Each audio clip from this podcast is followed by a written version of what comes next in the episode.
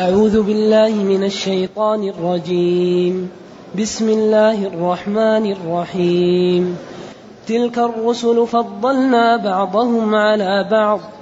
منهم من كلم الله ورفع بعضهم درجات.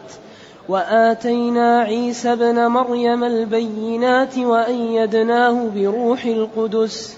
ولو شاء الله ما اقتتل الذين من بعدهم من بعد ما جاءتهم من بعد ما جاءتهم البينات ولكن اختلفوا فمنهم من آمن ومنهم من كفر.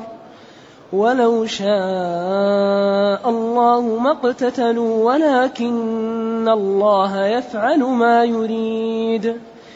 يا أيها الذين آمنوا أنفقوا مما رزقناكم من قبل من قبل أن يأتي يوم لا بيع فيه ولا خلة ولا شفاعة والكافرون هم الظالمون.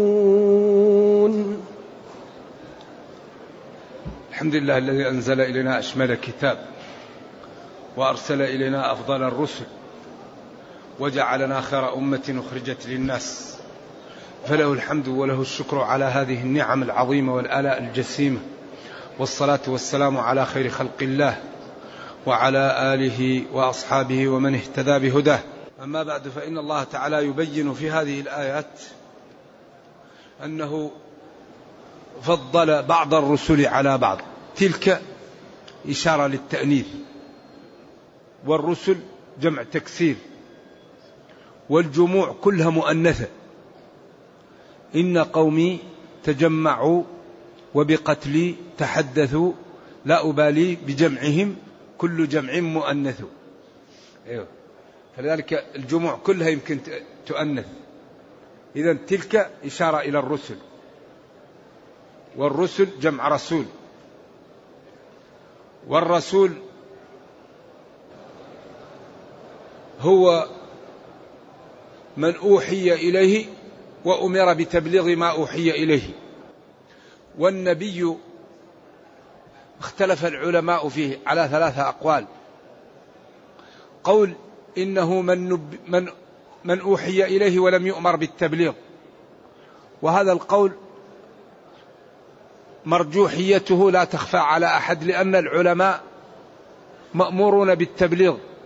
فكيف لا يبلغ الأنبياء؟ الثاني أن النبي الذي أرسل برسالة سابقة له يبلغها والرسول الذي أرسل برسالة مستقلة. الثالث وهو أظهرها في نظر المتكلم أن الرسول والنبي تعبير لشيء واحد. أحيانا ينظر إليه بالإنباء وهو إنزال الوحي عليه وأحيانا ينظر إليه بالرسالة الذي أمر بتبليغها. ويدل على هذا كثرة نداء نبينا صلى الله عليه وسلم بالرسول والنبي. يا أيها الرسول يا أيها النبي. ويوضح ذلك ما قال الوالد في الجزء الخامس من أضواء البيان عند قوله تعالى وما أرسلنا من رسول ولا نبي. فليرجع إليه. أما ما يقوله كثير من العلماء أن النبي من أوحي إليه ولم يمر بالتبليغ فهذا مرجوحيته لا تخفى. إذا الرسل جمع رسول والرسول هو الذي أوحي إليه وأرسل بوحي أو بشريعة يبلغها. نعم. فضلنا بعضهم على بعض. فضلنا بعضهم على بعض. هنا إشكال.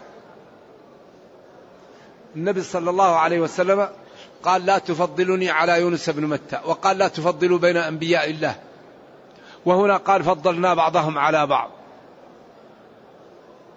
فالعلماء اختلفوا لذلك. فبعضهم قال النهي عن التفضيل قبل أن يخبر أن بعضهم أفضل من بعض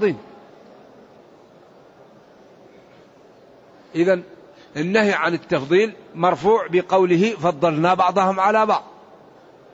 وبعضهم قال لا النهي عن التفضيل بعينه.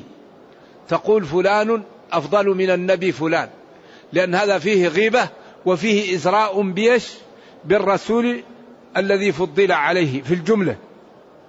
أما التفضيل المطلق فهذا لا مانع منه ولذلك قال أنا سيد ولد آدم. ما قال أنا أفضل من فلان ولا فلان قال أنا سيد ولد آدم. نعم. ومنهم من قال هذا من باب التواضع والنبي صلى الله عليه وسلم لا يريد أن يفضل. والذي يظهر أن التفضيل في الجملة أنه جائز. ولذلك أومأ إلى التفضيل وبعضهم قال التفضيل ليس بالنبوة وإنما بالأمور الزائدة على النبوة لأن الإنباء شيء واحد ولكن يكون التفاضل بينهم بما ذكر بعد ذلك. فضلنا بعضهم على بعض ثم قال منهم من كلم الله. إذا بالتكليم كان التفضيل. كموسى عليه ولا نبينا الصلاة والسلام كلمه الله ليس بينه وبينه يعني رسول. ورفع بعضهم درجات. إدريس في السماء الرابعة وإبراهيم فوق ذلك. ومحمد صلى الله عليه وسلم أعطي ما لم يعطى أحد. وهذا فضل الله يؤتيه من يشاء. كما قال قل إنما أنا بشر مثلكم يوحى إلي. فهو صلوات الله وسلامه عليه أشرف الناس نسبا. نسبه من أرومة النسب. ولذلك قال أنا خيار من خيار من خيار. أصطفاني واصطفى. ثاني شيء هو أعقل الناس. وهو أحلم الناس. وهو أفضل الناس. وهو أشجع الناس. وهو أكرم الناس. وهو أجمل الناس. وهو أكثر الناس تواضعا. وهو أكثر الناس شكرا. وهو أكثر الناس حلما. وهو أكثر الناس شجاعة. إذا حمي الوطيس فأشجع الناس من يتقي برسول الله صلى الله عليه وسلم. وإذا جاء رمضان ودارسه جبريل القرآن فلرسول الله صلى الله عليه وسلم أجود بالخير من الريح المرسلة. ولما فتح يعني حنين وجاءت الغنائم وأعطى لواحد ملء وادي من الغنم وأعطى للثاني مئة من الإبل حتى قالوا والله إن محمدا لا يعطي عطاء من لا يخشى الفقر صلوات الله وسلامه عليه. حتى غار العباس بن مرداس السلمي وقال أتجعل نهبي ونهب العبيدي حصان بين عيينة والأقرع؟ أعطاه مئة من الإبل. إذا هو أكرم الناس. ولما سمعوا صيحة في الليل ركب ركب فرسا عري لأبي طلحة وجاءهم من جهة الصوت يقول لهم لن تراعوا لن تراعوا. سبقهم إلى الصوت ما فيه إلا خير وقال وجدتها بحرا. أي وجدت الفرس يعني سابقة. ولما أخذه الرجل وجذبه وقال له أعطني مما أعطاك الله حتى أثر فيه ضحك وأعطاه. لم لا تعطيني من مالك ولا من مال أبيك. ولما قال له الأنصاري قسمة ما أريد بها وجه الله. الرجل هذا الأنصاري قال له أن كان ابن عمتك. يقصد الزبير. كان فيه بينه وبينه مشاكل في الشراج. بساتين في الحرة تسقى بماء السماء. وقال له اشتكاه عليه. قال له يا زبير أمسك الماء أسقي واترك الماء لجارك. قال له أن كان ابن عمتك. تلون وجهه قال له يا زبير اسقي الماء حتى يبلغ الجدر ثم أرسل. ماء قال له يا خبيث يا مجرم يا قليل الأدب. كان قمة في الأخلاق صلوات الله وسلامه عليه في الأدب في السماحة لم ينتقم لنفسه. والرجل السويدي الذي عمل كتاب مئة عبقري في العالم وهو غير مسلم جعل محمدا صلى الله عليه وسلم رقم واحد. والحق ما شهدت به الأعداء. لا يوجد شخص أفضل من محمد صلى الله عليه وسلم. لما أعطاه الله من الصفات. وكان أجمل الناس أحسن الناس أحلم الناس ألطف الناس. عائشة يكون في خدمتها أكثر الناس تواضعا. لا يقول لا أبدا. كل ما سأل يعطي. حتى يقال في الأثر الضعيف ولا تجعل يدك مغلولة إلى عنقك ولا تبسطها كل البسط. فتقعد ملوما من إحدى زوجاتك محصورا عن الصلاة لأنه جاءه شخص وأعطاه طلبه الشخص ثوبه فأعطاه الثوب وندي للصلاة فإذا هو لا ثوب عنده يخرج به. فقال فتقعد ملوما وتقول له أم المؤمنين كيف تعطي ثوبك؟ ولا يبقى عندك ثوب تصلي به. فتقعد ملوما من أم المؤمنين محصورا عن الصلاة. إذا كل الفضائل فيه صلى الله عليه وسلم. ومع ذلك دعا بالتوازن. الذين جاءوا لبيته وتقالوا عبادته. عثمان بن موعون وأصدقاؤه. قالوا هذا رجل غفر له ربه ما تقدم من ذنبه. فقال هذا والله لا أنام الليل هذا لا أفطر النهار وعثمان هم أن يختصي. قال ما بال أقوام؟ قالوا كذا وكذا. والله إني لا أعلمكم بالله وأخشاكم له. أما أنا فأنام وأصلي وأصوم وأفطر وأتزوج النساء فمن رغب عن سنتي فليس مني. دائما صلوات الله وسلامه عليه يريد التوازن. إن المنبت لا أرضا قطع ولا ورا أبقى. اعملوا من الأعمال إيش؟ ما تطيقون. وقال لهم السكينة السكينة. اربعوا على أنفسكم. فإنكم لا تدعون أصم. دين دين عملاق. وهذا النبي صلى الله عليه وسلم مجمع للفضيلة صلوات الله وسلامه عليه. ولكن هذه الكرامة وهذه العزة وهذه المحبة لا يجوز أن نعطيه حق الله. لأن هذا لا يرضيه ولا يرضي الله. ولا يجوز أن ننزله عن مكانته نعطيه المكانة التي أعطاها الله. فلا نعطيه حق الله لأن هذا لا يرضاه هو ولا يرضاه الله. ولا ننزله عن المكانة التي أعطاها الله.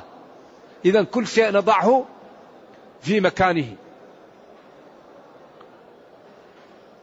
ولما سمع أن عبد الله بن عمرو بن العاص قال والله لا أنام الليل ولا إيش؟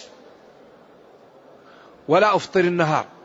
قال له آه أنت الذي قلت؟ قال نعم. وفي بعض الروايات ما أردت إلا خيرا. قال لا تفعل. إن لنفسك عليك حق ولأهلك عليك حق ولزورك عليك حق فأعطي كل ذي حق حقه. دين الإسلام دين السماحة دين النزاهة دين العدالة دين الرفق. ولما قال له أريد قال له يكفيك من الشهر ثلاثة أيام. قال أطيق أكثر. آخر شيء قال له أفضل الصيام صيام من؟ داود كان يصوم يوما ويفطر يوما. لا صام من صام الدهر. بعدين لما كبرت سن عبد الله بن عمرو بن العاص رضي الله عنه قال ليتني قبلت ما قال لي رسول الله. فكان يضعف فكان يفطر أيام حتى يتقوى ثم يصوم. وكان يجلس ليأخذ ورده من القرآن فقال لو قبلت رخصة النبي صلى الله عليه وسلم أني أختم القرآن في الشهر مرة واحدة وأصوم من الشهر ثلاثة أيام. هو قال أطيق أكثر من ذلك. فلما كبر قال لا أريد أن نغير ما كنت أفعل في زمن النبي صلى الله عليه وسلم. فلما كبرت سنه أصبح هذا يشق عليه ويقول ليتني في السابق قبلت ما قال لي رسول الله صلى الله عليه وسلم. إذا أعملوا من الأعمال ما تطيقون وأحب الأعمال إلى الله أدومها وإن قل. والله لا ينظر إلى كثرة العمل إلى إيش إلى نوعية العمل. النوعية هي المهمة. من صلى ركعتين لا يحدث فيهما نفسه غفر له ما تقدم من ذنبه. ليبلوكم أيكم أحسن عملا. ما قال أكثر عملا لا. ولذلك أهم شيء في العبادة النوعية تكون نخبة أول على إخلاص على علم على صدق على متابعة على التجرد. بعدين يأخذ الدرجة الكاملة. أما الذي يصلي لا ينتبه من طهارته لا ينتبه من نيته لا ينتبه من ركوعه لا ينتبه من سجوده لا ينتبه من قراءته يأخذ يمكن عشرة في المية أو خمسة في المية فيضيع عليه الأجر. ولذلك الرجل الذي صلى وسلم عليه قال له ارجع فصلي فإنك قام وصلى قال له ارجع فصلي. قال والذي بعثك بالحق لا أحسن غير هذا فعلمني. اسبغ الوضوء استقبل القبلة ثم كبر ثم اقرأ بما معك من القرآن ثم اركع حتى تطمئن راكعا ثم ارفع حتى تعتدل قائما ثم اسجد حتى تطمئن ساجدا. ثم ارفع حتى تعتدل جالسا ثم افعل ذلك. كل أغلب الأركان مأخوذة من هذا الحديث. إذا الرسل فضلنا بعضهم على بعض. منهم من كلم الله كموسى ومنهم من رفعه الله كإدريس وإبراهيم ومحمد صلى الله عليه وسلم. وآتينا عيسى ابن مريم أي الأدلة والحجج البينات الواضحة كإبراء الأكمه والأبرص وإحياء الموتى بإذن الله وإخباره بما يأكلون وما يدخرون في بيوتهم. وأيدناه قويناه بجبريل أو بما أرسلنا إليه أنزلنا إليه من الوحي وهو الإنجيل. إذا ولو شاء الله ما اقتتل الذين من بعدهم. لو هنا شرطية. لو حرف شرط في مضي. ويقل إلاؤها مستقبلا لكن قبل. ولو شاء الله. ما اقتتلوا لم يقتتلوا. يعني الرسل جاءت وبينت للناس. بعدين أتباع الرسل يختلفون. هذا يسلم وهذا يكفر. فيقع بينهم إيش؟ القتال. لو شاء الله أن يجعلهم على الدين لفعل. ولكن الله تعالى خلقنا للابتلاء. خلق هذا النوع الكون للابتلاء. ولذلك قال في الملك تبارك الذي بيده الملك وهو على كل شيء قدير الذي خلق الموت والحياة ليبلوكم. أيكم أحسن عملا. وقال في هود وما من دابة في الأرض إلا على الله رزقها ويعلم مستقرها ومستودعها كل في كتاب مبين وهو الذي خلق السماوات والأرض في ستة أيام وكان عرشه على الماء ليبلوكم أيكم. إذا هذا الخلق للابتلاء. وقال أيضا في آخر السورة ولا يزالون مختلفين إلا من رحم ربك ولذلك خلقهم. خلقهم للرحمة وللعذاب وهذا هو الابتلاء. وقال وما خلقت الجن والإنس إلا لآمرهم وأنهاهم فيعبدني من قدرت له السعادة ويعصيني من قدرت له الشقاوة وذلك الابتلاء. إذا الدنيا ابتلاءات. ونبلوكم بالشر والخير فتنة ابتلاء. فلذلك ينبغي لنا أن نقوم بالأسباب وأن ندعو الله التوفيق لأن أخوف ما يخاف منه في هذه الدنيا هو ماذا؟ السابقة. ما الذي كتب لك في اللوح المحفوظ؟ هذا الذي يخيف. وهو الذي يزلزل العلماء. وهو الذي نرجو الله جل وعلا أن يكون كتب لنا السعادة في, اللوح المحفوظ. ولكن نحن لا نعلم الغيب. ولما استشكل الصحابة ذلك أتاهم الجواب من النبي من النبي صلى الله عليه وسلم. لما نزلت آية الحديد ما أصاب من مصيبة في الأرض ولا في أنفسكم إلا في كتاب من قبل أن نبرأها. وبعدين بين قال لكي لا تأسوا على ما فاتكم ولا تفرحوا. قالوا يا رسول الله ففيما العمل إذن؟ ما دامت جفت الأقلام وطويت الصحف ففيما العمل؟ قال اعملوا اعملوا فكل ميسر لما خلق له. وفي الصحيحين إن الرجل لا يعمل بعمل أهل الجنة فيما يبدو للناس. حتى لا يبقى بينه وبينها إلا ذراع فيسبق عليه القلم فيعمل بعمل أهل النار فيدخلها. وإن الرجل لا يعمل بعمل أهل النار فيما يبدو للناس. حتى لا يبقى بينه وبينها إلا ذراع فيسبق عليه القلم فيعمل بعمل أهل النار فيدخلها عياذا بالله. ولذلك اللهم سلم سلم. وفي سير أعلام النبلاء في ترجمة الإمام سفيان الثوري لما كبرت سنه كان يكثر البكاء. فقال له جلساؤه يا إمام أنت على خير ما الذي يبكيك؟ أنت في هذه الأيام تكثر من البكاء ومن الخوف. وأنت على خير وربك غفور رحيم. قال أنا لا أخاف من ذنوبي. قال ومما تخاف؟ قال أخاف أن يؤخذ إيماني قبل أن نموت. قال أخاف أن يؤخذ مني الإيمان قبل أن نموت. وكان عمر يسأل حذيفة بن اليماني ويقول له أبي الله عليك. قال لك رسول الله إني منافق. يقول لا والله لا أزيدك. لا ولكن لا أزيدك. لأن حذيفة ورد عنه في الصحيح أنه قال كان, يسأل كان الناس يسألون رسول الله صلى الله عليه وسلم عن الخير وكنت أسأله عن الشر مخافة أن يدركني. فكان يعرف المنافقين بأعيانهم. ولذلك عمر إذا رأى حذيفة صلى على واحد صلى عليه وإذا رأى حذيفة يبتعد.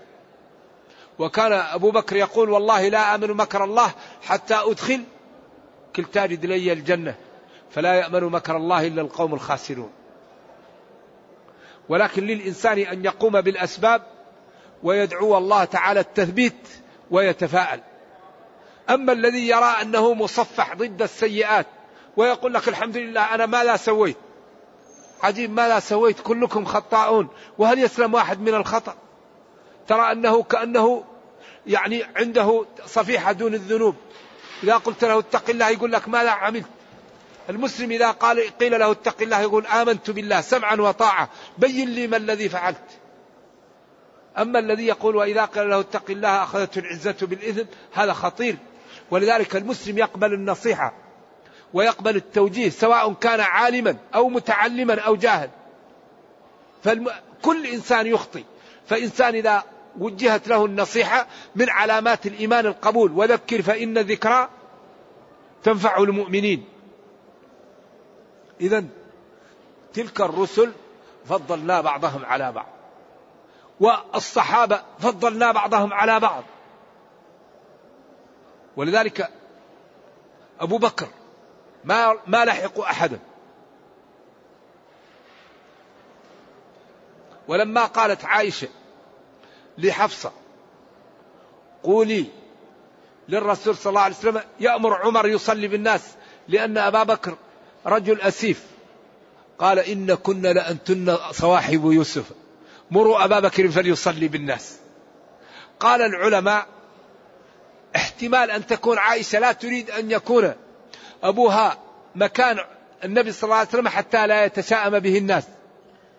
واحتمال أن تريد أن يقول يأمر له حتى يظهر أنه هو الخليفة بعد النبي صلى الله عليه وسلم. ولذلك أول من فهم عمر قال ارتضاك رسول الله صلى الله عليه وسلم لدين لديننا. أفلا نرتضاك نرضاك لدنيانا؟ امدد يدك. وقال كانت فلتة. وكانوا لا يعرفون أبا بكر حتى جاءت نقطة الصفر. لما توفي النبي صلى الله عليه وسلم عمر. قال ما مات الرسول صلى الله عليه وسلم. وعلي عقر. جاء هو وقال بأبي أنت وأمي وقبله. وقال مت التي الموت التي كتب الله عليك. وقاف وقال وما محمد إلا رسول قد خلت من قبله الرسل. أفإن مات أو قتل انقلبتم على أعقابكم. ومن ينقلب على عقبيه فلن يضر الله شيئا وسيجزي الله الشاكرين. قال عمر كأني لم أسمع بالآية. ولما ارتد الناس قال عمر أرى الجيش يبقى ليحمي أمهات المؤمنين. قالوا ثكلتك أمك يا ابن الخطاب. فظيظ في الجاهلية خوار في الإسلام.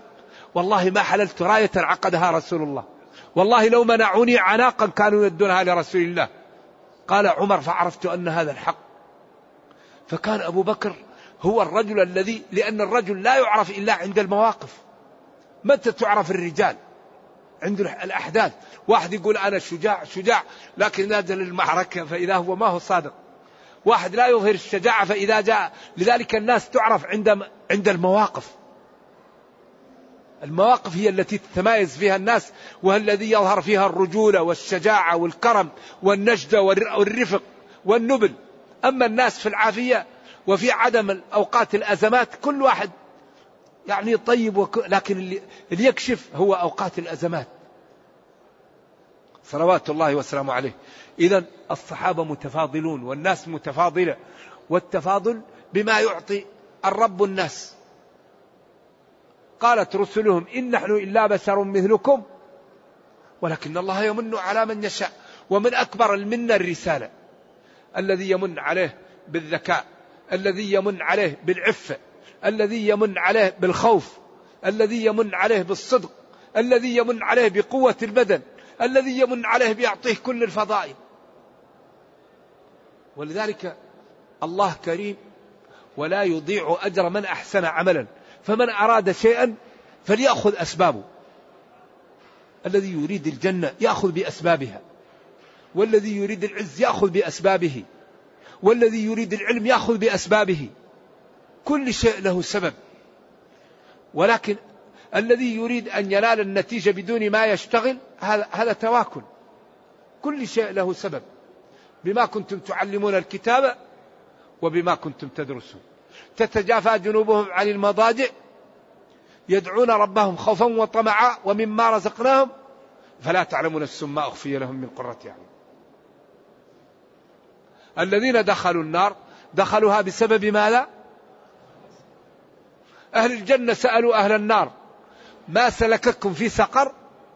قالوا لم نكن من المصلين. ولم نكن نطعم المسكين. وكنا نخوض مع الخائضين. وكنا هذه الأربعة هي أصول دخول جهنم. الأربعة المعاكسة لها هي أصول دخول الجنة. قد أفلح المؤمنون. الذين هم في صلاتهم خاشعون. والذين هم عن اللغو معرضون. والذين هم هذه الأربعة أصول دخول الجنة.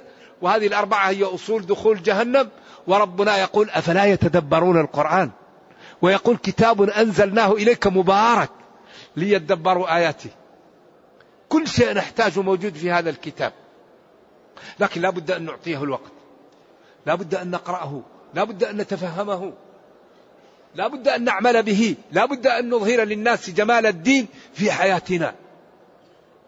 إذا تلك الرسل فضلنا بعضهم على بعض. منهم من كلم الله كموسى ومنهم من رفعه عليا كإدريس وإبراهيم ومنهم من أعطيناه البينات كعيسى. ولو شاء الله ما اقتتل الذين ولو شاء الله ما اقتتل الذين من بعدهم من بعد ما جاءتهم البينات ولكن اختلفوا هذا مسلم وهذا كافر. فمنهم من آمن ومنهم من كفر. ولكن الله يفعل ما يريد. الله لو شاء لآمن من في الأرض كلهم جميعا. ولذلك قال قل كل من عند الله فما لهؤلاء القوم لا يكادون يفقهون حديثا. وهذا خلق الله. والله لا يسأل عما يفعل. هذا خلق الله. فأروني ماذا خلق الذين من دوني. والله يفعل ما يشاء. وتصرف المالك في ملكه لا يعد ظلما. فلذلك لا يدخل الرب أحدا النار إلا بعد الإعذار وقيام الحجة. قال وما كنا معذبين. وقال رسلا مبشرين ومنذرين. وقال في حق أهل النار كلما ألقي فيها فوج سألهم خزنتها ألم يأتكم نذير؟ قالوا بلى قد جاءنا نذير. هنا محل إضمار أظهر لخطورة الموقف ولأن دخول جهنم أمر خطير وعظيم. قالوا بلى قد جاءنا. ما قال بلى قد جاءتنا. قد جاءنا نذير فكذبنا. أما أهل الفترة فقد اختلف العلماء فيهم. فقال كثير من الحفاظ كابن كثير والوالد وبعضهم العلماء أنهم توقد لهم نار يوم القيامة ويؤمرون باقتحامها. فمن كان في علم الله إذا جاءته الرسل يؤمن يدخل النار. ومن كان في علم الله إذا جاءته الرسل يكذب يمتنع. وقد منع هذا الحافظ بن عبد البر وقال القيامة ليست دار تكليف وإنما هي دار إيش ولكن النصوص هي التي تحكم. فإن تنازعتم في شيء نعم النص هو الفيصل. نعم. إذا ولو شاء الله ما اختلفوا ما اقتتلوا ما كفروا وكانوا على دين واحد. ولكن الله جل وعلا يفعل ما يريد لأنه خلق ناس للنار وخلق ناس للجنة وهيأ هؤلاء للجنة وهيأ هؤلاء للنار ولكن لا يعذب أحد إلا بعد القيام الحجة. وهؤلاء الذين كفروا لا يعلمون العاقبة وإنما كفروا عن اختيار. نرجو الله السلام والعافية. ولذلك قال اعملوا فكل ميسر لما خلق له. وقال إن الله لا يظلم الناس شيئا ولكن الناس أنفسهم يظلمون. وقال لم نجعل له عينين ولسانا وشفتين وهديناه. وقال فمن يعمل مثقال ذرة خيرا يره ومن يعمل مثقال ذرة شرا يره. نرجو الله جل وعلا السلامة. الآية اللي بعدها. ثم لما بين أمر بالإنفاق لأن الإنفاق هذا هو أكبر سبب في تقوية الأمة وفي الرفع من مستواها وفي إزالة الحقد والإحن والشوائب وفي التآلف الذي به تقوى الأمة وتعتز وتكون لا تقاوم. لذلك من أهم شيء الإنفاق. والنفوس لما خلقها الله خلقها تحب المال حبا جما لقوة الضمان. لأن الله قال وما من دابة في الأرض. فلما ضمن لهم الرزق جعل قلوبهم لا تهدأ لمحبة المال لقوة الضمان. ولذلك يدبر الأمر الكبير المتعال. هذا تدبير خفي لا يعلمه إلا الله. بخلاف الجنة لأنها غير مضمونة النفوس لا تفكر فيها كما تفكر في المال. لأن المال ضمن أصبح الفكر فيه. أما الجنة التي غير مضمونة لا يفكر فيها الواحد كما يفكر في المال. قال يا أيها الذين آمنوا ويا حرف نداء للبعيد وأي وصل للنداء الذي فيه ال وآمنوا تشمل 11 جملة. أنفقوا. هذا الأمر للوجوب وللندب. أنفقوا النفقة الواجبة والنفقة المسنونة والنفقة المندوبة أنفقوا الزكاة. أنفقوا في وجوه الخير. أنفقوا على الرميلات الأيتام على إصلاح ذات البين على الأقارب على المحتاجين. أنفقوا. مما رزقناكم. إشارة إلى أن الرزق من الله والله أمرك فأنفق لأنه هو الذي يرزقك. وقال ما نقص مال من صدقة. وقال فيضاعفه له أضعافا كثيرة. ولذلك الإنفاق لا ينقص المال أبدا. قد الإنسان يرى أنه ينقص المال لكن أنت إذا أنفقت يبارك لك. يبارك لك في المال. ويبارك لك في, في هذا الشيء فيكون المال القليل كأنه كثير لأن الله يجعل فيه البركة. من قبل أن يأتي يوم لا بيع فيه ولا خلة ولا شفاعة. هذا يوم القيامة الله يحذر منه في القرآن ويبين أن الإنسان يعد له العدة قبل أن يفوت الأوان. هذا اليوم مخيف جدا لأنه أجاركم الله يفتضح فيه بعض الخلق. ويعتز فيه بعض الخلق والناس تتمايز في هذا اليوم ويكون فيه التغابن. فلذلك قال من قبل أن يأتي يوم يوم أي يوم عظيم لا بيع فيه مبادلة ما فيه بيع ولا فيه خليل يساعدك ولا فيه من يشفع لك إلا بإذن الله. إذا الوسائل التي كانت في الدنيا تستعين بها عند الأزمات لا توجد في ذلك اليوم. ما فيه إلا حسنات ما فيه إلا رصيد سابق من الخير تحاول أن تنقذ به نفسك. إذا أنفقوا ومن أكثر ما يكثر يعني رصيد الإنسان الإنفاق. من الذي يقرض الله قرضا حسنا؟ كمثل حبة أنبتت سبع سنابل. الآيات تأتي كلها في الإنفاق. إذا أنفقوا هذا الأمر قد يكون مشترك بين الوجوب وبين إيش؟ الندب. حمل المشترك على معنيه وهو الإنفاق للوجوب وللندب هنا للوجوب وللندب. من قبل أن يفوت الأوان. ولذلك كل من مات يقول يا ليتني نرجع. الآن لو زرنا البقيع الآن. يعني أهل البقيع حالتهم صعبة جدا لأنهم شاهدوا الحقائق وكفت أيديهم عن العمل. الآن أهل البقيع كل واحد منهم يتمنى يرجع ليقول لا إله إلا الله. نحن الآن يمكن نقول لا إله إلا الله. واحد منهم يرجع ليتمنى يرجع ليصلي ركعتين. يتمنى يرجع ليقول رب اغفر لي خطيئتي يوم الدين. إذا نحن الآن لا زلنا في محل تدارك. فلنبادر.